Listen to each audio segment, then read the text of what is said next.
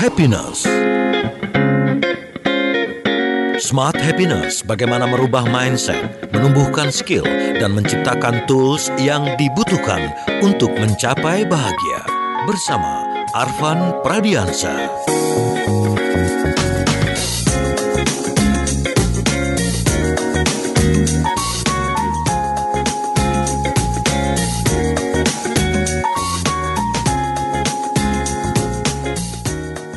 Smart Listener, lagu ini dibawakan oleh Perfect New York Mental Health. Kalau Anda simak liriknya ya, ini uh, semuanya kayaknya berkaitan dengan psikologi ya. Ada bagian yang saya uh, coba uh, kutipkan buat Anda. So no, I'm all alone. Nobody hits my phone in society with stealth. Nah, ini. Eh, terus kemudian di atasnya ada anxiety from stress developing tourists. Nah, kayaknya kalau kalau ditelusurin satu-satu dari pertama begitu ya. Ini memang lagunya lagu yang benar-benar mungkin dikarang oleh para psikolog kali ya. Ini dugaan saya loh ya. Kalau salah nanti tolong dikoreksi. Kita tanya aja deh kepada Pak Arfan yang sudah bergabung bersama kita. Selamat pagi. Selamat pagi Mbak Ola, apa kabar hari ini? Sehat mentalnya. Oh, badan sehat nih, kalau badan sehat kelihatannya badan ya. sehat. Mental? Mental juga sehat. Ah, oke. Justru yang sering kali membuat badan eh, mudah rapuh itu adalah karena mental. Karena mental, betul ya, Gitu. betul. Betul. Mental Jadi mental tuh lebih berpengaruh sebenarnya lebih berpengaruh. begitu. Iya. Begitu mentalnya drop, biasanya badan yang ngikutin. Betul. Tapi kalau mentalnya kuat, wah, Iya. mau serangan kayak lelah kayak apa pun, mulus-mulus lah sedikit-sedikit eh itu. Kalau kita bilang saya sehat, wah, Nah. tahu-tahu hari itu jadi sehat gitu, Iya, kayak semangat gitu ya. Maju terus. Iya. Karena eh, konon orang-orang yang eh, apa supaya kemudian mentalnya sehat juga kan nggak boleh ter nggak boleh dalam kondisi lapar kan? Betul, betul ya. Karena begitu lapar ini reptiliannya yang kemudian. Iya, hang- hungry itu bisa membuat angry katanya. Waduh, itu dia. Gara-gara kampung tengah, Iya. sering kali terjadi pertempuran di tengah-tengah. Oke, Pak Arfan sehat-sehat juga ya? Ya, alhamdulillah sehat Oke. selalu ya. Ini menarik karena berkaitan dengan Hari Kesehatan eh, Se- Hari Kesehatan Mental Jiwa. Sedunia. Oh, kesehatan mental Hari sedunia. Kesehatan eh, Jiwa Kesehatan Sedunia Jiwa Sedunia. atau eh, World Mental Health Health. Day yang diperingati setiap tanggal 10 Oktober, Mbak Ola. Hmm, hmm, hmm, Kemarin. Kemarin ya? berarti ya, Ini sejak tahun 1992 itu sudah diperingati sampai sekarang. Oke, berarti mungkin dari, tahu dari tahun 92 mulai pada ngeh ya, banyak yang sakit Mulai pada mental. ngeh, iya. banyak yang sakit mental. Sebelumnya mungkin kurang ngeh gitu ya. Iya, kurang lah. Iya. Apalagi, oke, kita coba kasih kesempatan kepada Pak Arfan untuk mengkritisi konten dulu. Oh ya, kita lihat ini lagunya penuh dengan Iya. istilah-istilah psikologi. Psikologi, makanya saya bilang, ini kayak yang mengarang nih. Iya, iya, iya, ini iya. sarjana psikolog Sarjana ini. psikologi nih kayaknya yang ngarang nih. Jadi dia bilang begini tadi ya, it started as a kid ya, dimulai waktu saya masih kecil. Ya.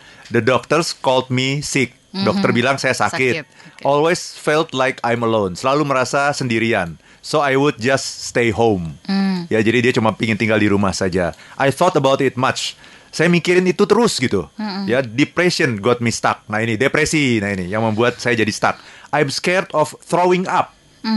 Dia uh, punya sebuah psychological disorder nih sebetulnya yang namanya yang namanya muntah. Oke, I- emotofobia. Itu disebutnya itu emotofobia itu. Oke, ini bahasa kerennya muntah ya? Iya, buk Oh, bukan, bukan bukan muntah tapi takut terhadap muntah. Oh, takut terhadap muntah. Iya, Oke, jadi iya, iya, iya. bahkan ada eh, seorang anak yang ibunya sakit gitu ya.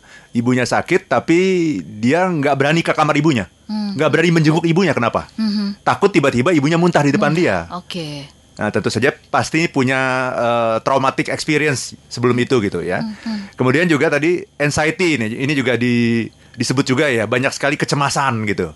Ya, dia bilang tadi developing Tourette's. Nah, Tourette's ini semacam apa ya? Semacam kayak repetitive movement gitu. Jadi ketika kita melakukan gerakan berulang-ulang Oke. yang tidak bisa kita kontrol, gitu, un- uncontrollable gitu.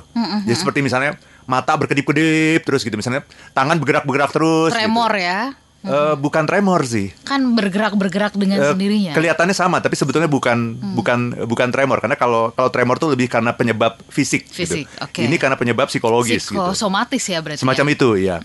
Nah kemudian juga dia bilang as I got older, ya semakin saya eh, berusia eh, Bertambah usia bertambah gitu usia ya, eating disorder took my life. Jadi banyak sekali masalahnya nih. Ini ini ada masalah eating disorder juga nih. Hmm. Ya mungkin semacam bulimia atau apa gitu ya. Nggak Jadi doyan ini makan ya. eh, Ya, macam-macam bisa, ya, ya. bis- bisa macam-macam nih yang namanya Oke. eating disorder. Jadi ini ini memang lagu mengenai mental health gitu Mbak Ola. Ya, tapi di akhir dari lagu ini dia mengatakan I know my problems. Nah, sekarang dia tahu masalahnya apa. I cannot solve them. Saya nggak bisa menyelesaikan itu. I thought that I would take my life, but now I'm stronger. Nah itu, I'm here for longer. I'm here to fight. Nah intinya dia kepingin menyelesaikan masalah ini gitu. Oke. Dan Itu, dia menyadari bahwa all my pain is mental health. Iya. Serem Itu- banget ya. kayaknya. Iya, jadi semua Berbagai penyakit- macam ini ininya. Ah, ah, Oke. Disordernya gitu ya. Kalau tadi dia ada emotofobia ya. Iya. Oh, Kalau saya jelek fobia. Apa Jadi itu? kalau ketemu orang jelek suka takut. Oh, iya. Bercanda.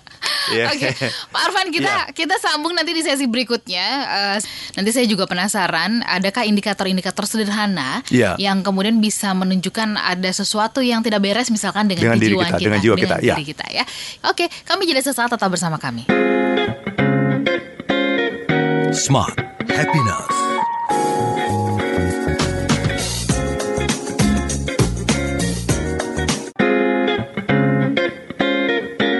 Kembali Anda ikuti Smart Happiness bersama Arvan Pradiansa. Smart listener dan juga sahabat Sonora di seluruh Indonesia Umumnya kita kemudian eh, menganggap bahwa eh, orang-orang yang sakit jiwa itu kayaknya orang-orang Ya itu hanya orang-orang tertentu saja begitu ya Iya. Kita kayaknya nggak mungkin bisa terkena eh, sakit jiwa Iya, Padahal sama halnya seperti orang eh, sakit tifus ya setiap orang bisa saja berpotensi sakit tifus ya Betul. Pak Arfan, Iya, ya. iya, itu poinnya. Nah, tapi Iya. kemudian mungkin bisa diperjelas dulu gitu Iya. ya. Yang disebut atau yang uh, dimaksudkan dengan kesehatan jiwa ini apa? Karena kan ini agak jarang kita bicarakan ya. Iya, betul. Kita lebih sering membahas soal demam, batuk-batuk Betul, gitu. betul. itu kesehatan fisik Ya, ya. pusing, vertigo gitu-gitu. Betul, betul. Silakan Pak Arfan. Very good question, Mbak Ola. Jadi kalau bicara mengenai eh, kesehatan jiwa ini memang kurang populer gitu ya. Karena kalau orang bicara kesehatan tuh yang diinget pasti kesehatan fisik. Padahal dalam lagu Indonesia Raya saja itu ya itu eh, gambaran mengenai manusia itu apa? Oke. Bangunlah bangunlah jiwanya. bangunlah badannya. Nah, malah bangunlah jiwanya dulu. jiwanya ya? dulu. Oke.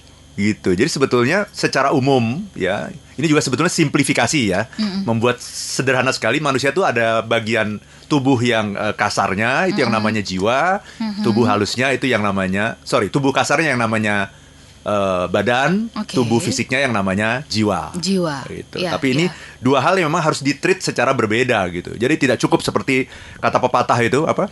Mensana In in corpore sano. sano. Dalam Tubuh- badan yang sehat Ah, ah, terdapat jiwa yang sehat. Itu salah. Justru kebalik ya lagu Indonesia Raya sendiri sudah me- Sudah mengatakan, itu sudah benar sekali tuh Ernst Pratman itu. Kualitas Bangunlah manusia jiwanya Ah, dulu, bangun bangunlah jiwanya badannya, dulu. iya. Iya iya iya iya. Nah, jadi ini ini ini salah yang selama ini kita anggap sebagai sebuah kebenaran ya bahwa dalam tubuh yang sehat terdapat, terdapat jiwa yang sehat. Padahal banyak sekali orang-orang yang sakit jiwa tetapi tubuhnya sehat. Mm-mm. Gitu. Iya iya iya nggak kelihatan ya. Nggak kelihatan. Dan kita berlomba-lomba untuk membeli suplemen untuk memperkuat tubuh kita. Nah, tapi kita Tidak. tidak, membeli suplemen untuk memperkuat mental kita. Itu masalah. Salah satu suplemennya sebenarnya sudah sangat tersedia dengan mudahnya Anda mendengarkan Smart FM. Itu dia, khususnya smart happiness. Khususnya smart happiness. itu untuk kesehatan jiwa kan, itu Iya, kan. iya, iya, iya. Jadi orang juga sering kali merasa mendapat stigma ya, Mbak Ola ya. Kalau misalnya eh, saya bilang nih saya ini ada gangguan mah nih gitu, atau ada gangguan pencernaan, itu enak aja kan gitu ya. Kan saya nggak merasa malu untuk mengatakan itu ya. Iya. Tapi ketika mengatakan saya kok ada kayak ada gangguan Jiwa nih. jiwa nih gitu, itu rasanya udah kayak orang sakit jiwa gitu. Eh, kita ngomong kayak gitu mungkin langsung dijauhin kali ya. langsung kabur. Langsung nih. kabur semua ya gitu. Bos gue sakit jiwa. Oh my god. Iya. Gitu ya. Padahal kan jadi itu kayak sebuah stigma gitu. Iya iya. Padahal kan sebetulnya itu wajar-wajar saja gitu. Ada sebuah gangguan nih. Kenapa ya? Kok akhir-akhir ini kok saya sering merasa cemas gitu tanpa alasan, misal begitu. Kan biasa-biasa saja sesungguhnya gitu. Ya, jadi ini eh, stigma ini yang sesungguhnya harus kita hilangkan gitu. Ya, jadi yang namanya eh, yang juga harus dibedakan adalah yang namanya tidak sakit Mm-mm. itu tidak selalu berarti sehat Tidak sakit tidak selalu berarti sehat. Iya juga sih. gitu. Jadi eh gini gini. Kalau kalau bicara psikologi psikologi itu kan awalnya dulu kenapa ada ilmu psikologi? Karena ada banyak orang yang mengalami gangguan kejiwaan. Gitu ya. Kemudian dilakukan penelitian sehingga lahirlah ilmu psikologi ya untuk membahas mengenai orang-orang yang abnormal gangguan-gangguan kejiwaan dan sebagainya gitu ya. Tetapi sekarang ini sudah berkembang lebih jauh lagi ya. Jadi kalau kalau dulu kalau anda tidak mengalami gangguan jiwa gitu itu disebut anda sehat. Hmm, hmm, hmm. Karena tidak mengalami gangguan, jiwa. kejiwaan, Nah, Oke. Sekarang dengan per- perkembangan yang namanya psikologi positif, gitu ya, tidak eh, apa eh, tidak sakit itu bukan berarti sehat. Anda eh, kita tidak sakit jiwa bukan berarti sehat. Bukan. Oke. Jadi begini, kalau sakit jiwa itu eh, itu minus nilainya minus. Sakit jiwa udah berarti nggak sehat lah gitu. minus ya. Ah, ah. gitu ya. Tapi kalau sehat itu plus. Hmm. Nah, kalau tidak sakit itu Rata-rata. nol. Oh no. Kira-kira gitu. Jadi Iya. sakit jiwa itu minus, Oke. Kalau tidak sakit itu nol. Kalau yang namanya sehat itu itu plus. Nah, yang paling sehat itu nanti kita tingkatkan kualitasnya itu yang namanya happiness nanti. Oke, Pak Arfan kalau itu, Mbak. supaya kemudian kita tidak menduga-duga sebenarnya yang Iya. eh, masuk kategori gangguan jiwa itu apa aja sih? Jangan-jangan kalau misalkan saya misalnya naksir seseorang terus saya senyum-senyum nanti dibilang sakit jiwa nih senyum-senyum sendiri. gitu. apa aja sebenarnya yang masuk kategori gangguan-gangguan jiwa itu? Apakah tadi eh, cemas ada di dalamnya, depresi Iya. begitu? Silakan Pak. Segala sesuatu yang bersifat berlebihan. Hmm. Nah, itu itu cirinya itu. Segala sesuatu yang bersifat berlebihan itu adalah sebuah gangguan gitu. Jadi kalau cemas itu biasa gitu. Ya, cemas, takut, marah, itu normal ya? Itu normal karena setiap emosi itu sesungguhnya diciptakan Tuhan sebagai berkah bagi setiap orang gitu. Jadi emosi itu sesungguhnya adalah sebuah indikator ya, Iya, iya. Sebuah indikator mengenai apa yang terjadi pada diri kita. Jadi kalaupun misalkan kita kesel itu normal. Normal. Kita tertawa itu normal. Itu normal. Kita marah itu juga normal, normal. iya. Kalau kita nggak bisa marah, berarti ada indikator dalam diri kita itu yang tidak yang yang rusak, gitu ya. Kita nggak bisa sedih. Itu juga berarti ada indikator dalam diri kita yang rusak. Terganggu ya. terganggu gitu. Nah ini kan saya baru minggu lalu nonton film Joker ini ya. Ini kan Iya. banyak dibicarakan orang di sekarang. Nih. Betul. Jadi Joker itu sebetulnya ini juga cerita rekaan juga sih gitu ya. Iya, iya. Cerita mengenai seorang anak yang sejak eh, Kecil. kecil. itu dididik oleh ibunya tidak boleh sedih. Iya, iya. Sedih itu nggak boleh, Nggak boleh nangis. nggak boleh nangis gitu. gitu ya. Ya dan harus selalu menampakkan wajah yang bahagia Betul. selalu harus gembira gitu. Padahal hidupnya penuh dengan penderitaan gitu ya. Di di abuse, di apa, dilecehkan Dibully. orang, dibully dan sebagainya gitu. Iya, Tapi dia iya, tetap iya. harus menampilkan eh, wajah, yang, gembira, gitu Oke. ya. Saya tidak setuju tuh. Nah iya itu itu. Jadi ini eh, padahal sesungguhnya itu tadi sedih dan sebagainya itu sehat. Iya, iya, iya. Sedih itu menunjukkan bahwa ada sesuatu dalam diri Anda yang perlu Anda perbaiki gitu. Itu Mbak. Kan dengan dengan dengan kesedihan itu sesungguhnya adalah sebuah upaya untuk merilis mem- membuat kita itu eh apa ya?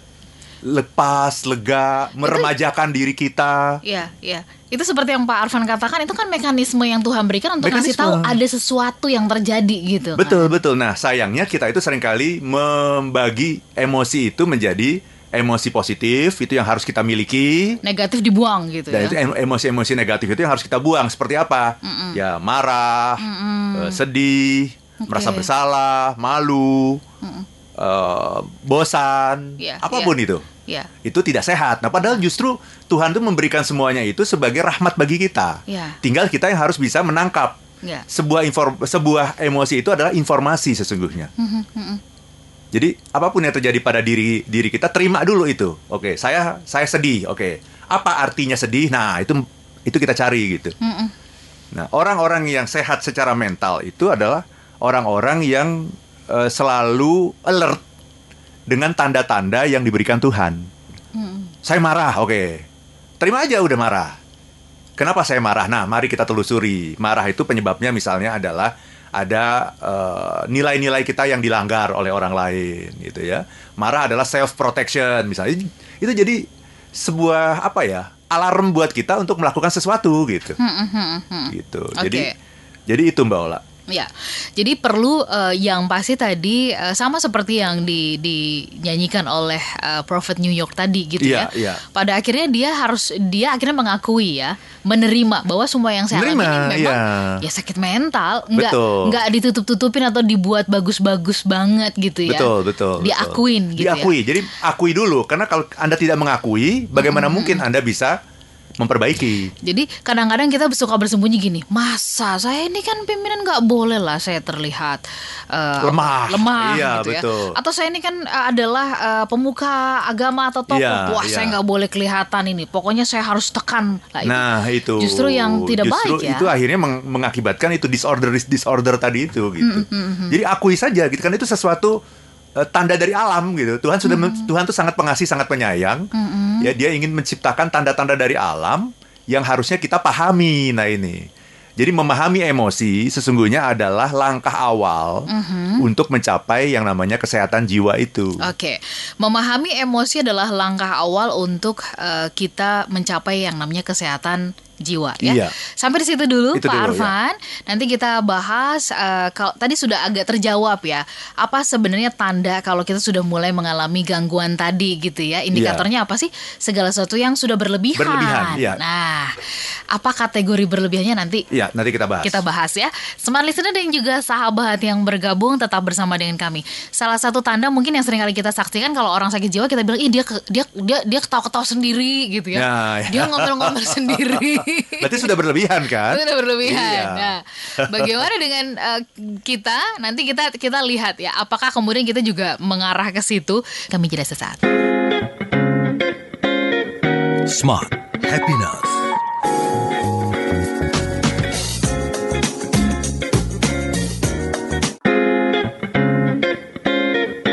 Kembali Anda ikuti Smart Happiness bersama Arvan Pradiansa. Listener dan juga sahabat sonora di seluruh Indonesia. Kita lanjut, Pak Arfan bicara mengenai kesehatan jiwa ya. Iya. Eh, ini tadi kan eh, Oke, tan- salah satu tandanya adalah segala sesuatu yang berlebihan. Nah, Iya. ukuran berlebihan tuh gimana sih? Kan beda-beda nih tiap orang. Apa memang itu beda-beda di setiap orang? Silakan. Iya, ketika itu sudah sampai pada level yang mengganggu gitu ya, baik mengganggu kesejahteraan diri kita maupun mengganggu orang lain, itu kan kita pasti akan mendapatkan feedback gitu sebetulnya kan. Karena akan banyak orang-orang yang merasa tidak nyaman dengan kehadiran kita gitu. Nah, itu tandanya, itu sebuah tanda Oke. bahwa Anda sudah eh, masuk ke dalam eh, gangguan mental itu. Oke. Sesungguhnya Mbak Ola. Tapi yang ingin saya garis bawahi sesungguhnya begini ya. Sering sering kali orang merasa ah saya baik-baik saja gitu. Ya, nah sebetulnya baik-baik saja itu itu baru nol tadi levelnya gitu. Ya, jadi kalau Anda tidak sakit, tidak mengalami eh, gangguan apa pun gitu, tidak berarti Anda sehat gitu. Oke. Ya, itu baru eh, nol nilainya gitu. Ya, kalau sakit, Oke. eh, kalau ada disorder berarti minus, kalau tidak ada gangguan berarti nol. Jadi beda itu dengan yang namanya sehat gitu. Oke. Nah, yang kita inginkan ketika kita bicara mengenai kesehatan jiwa itu adalah menjadi sehat Oke. gitu. Nah, bagaimana caranya menjadi sehat? Nah, orang yang sehat itu seperti apa sih gitu? Nah, WHO, Organisasi Kesehatan Dunia itu punya definisi. Oke. Ciri orang yang eh, sehat eh, jiwanya itu ada empat. Oke, ada tandanya ya ada orang tandanya, sehat ya. Oke. ya. Dan ini yang harus kita capai itu ini sekarang. Jadi bukan bukan sekedar oh saya nggak sakit jiwa gitu, saya tidak eh, mengalami gangguan mental apa pun. Mhm.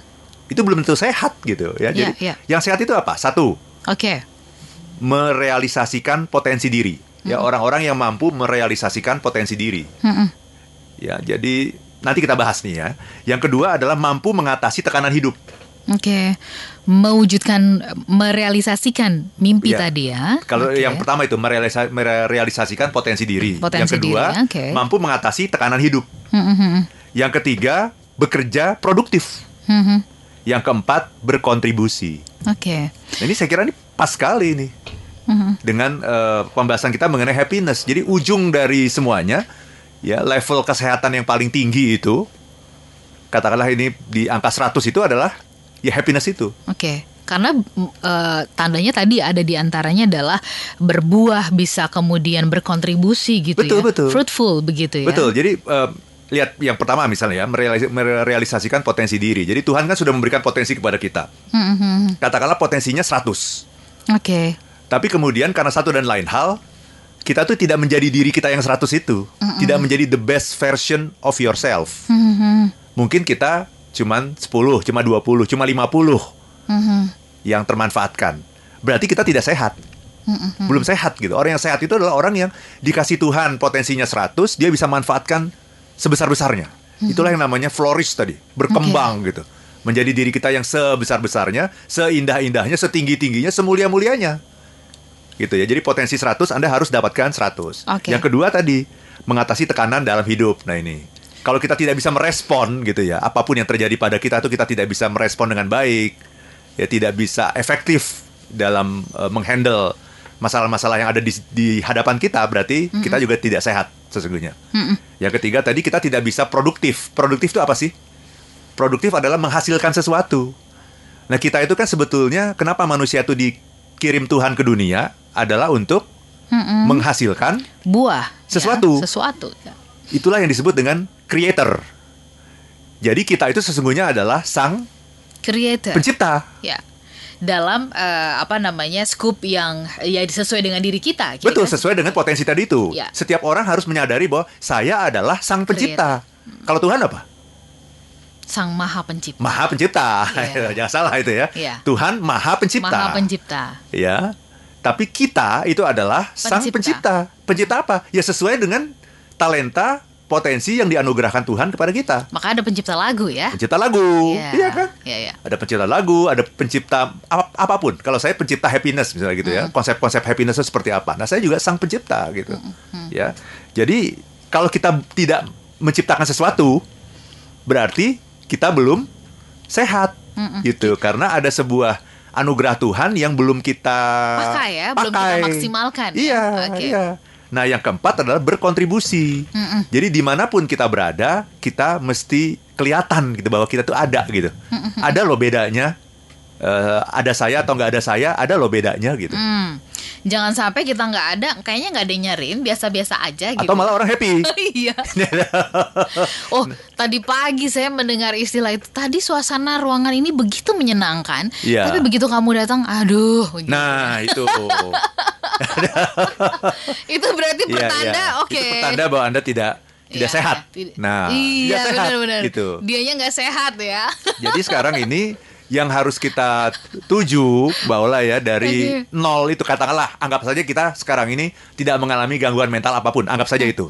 Sekali lagi anda tidak mempunyai gangguan mental apa pun bukan berarti anda sehat. Sehat, ya. anda memang tidak sakit. Baik. nah tetapi anda kan setiap orang kan ingin menjadi yang sesehat-sehatnya gitu. Nah gimana caranya? Nah ini.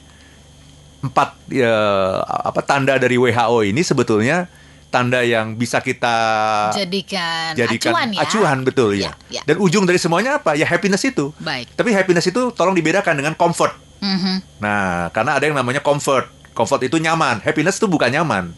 Kenapa? Karena kalau orang yang nyaman, dia tidak akan melakukan apa pun. Ba- bahkan orang happiness itu bisa saja juga dalam eh, bisa mengalami kondisi yang tegang, Betul. berpacu gitu. Betul, ya. iya. Misalnya dia sedang ingin menghasilkan sebuah kar- karya, dia betul-betul berkonsentrasi gitu ya, betul-betul uh, flowing. Nah, ini kita masuk dalam ist- istilah flowing itu ya dari Mihaly Csikszentmihalyi itu. Oke. Ahli psikologi positif yang Oke. selama 40 tahun Selama 40 tahun dia hanya meneliti satu hal, flowing. Coba bayangkan itu. Oke. 40 tahun Nah, ya. ketika kita Oke. flowing, kita mengalami kondisi yang sangat sehat. Walaupun pada saat itu kita mungkin terlihat agak tegang, Mhm. karena kita sedang berkonsentrasi ingin melahirkan karya-karya yang terbaik. Ya. Dan waktu berjalan tidak terasa gitu. Oke. Nah itu yang namanya orang yang sehat secara mental. Terima kasih loh. Berarti saya sehat nih kalau ngerasa wah wah, wah udah jam Iya. 12 malam wah, aja nih. Wah, udah udah subuh lagi. Nah hati-hati. Tunggu, Tunggu karena, dulu, ya. karena itu hati-hati kita jeda dulu lah ya. Kami jeda sesaat. Smart Happiness.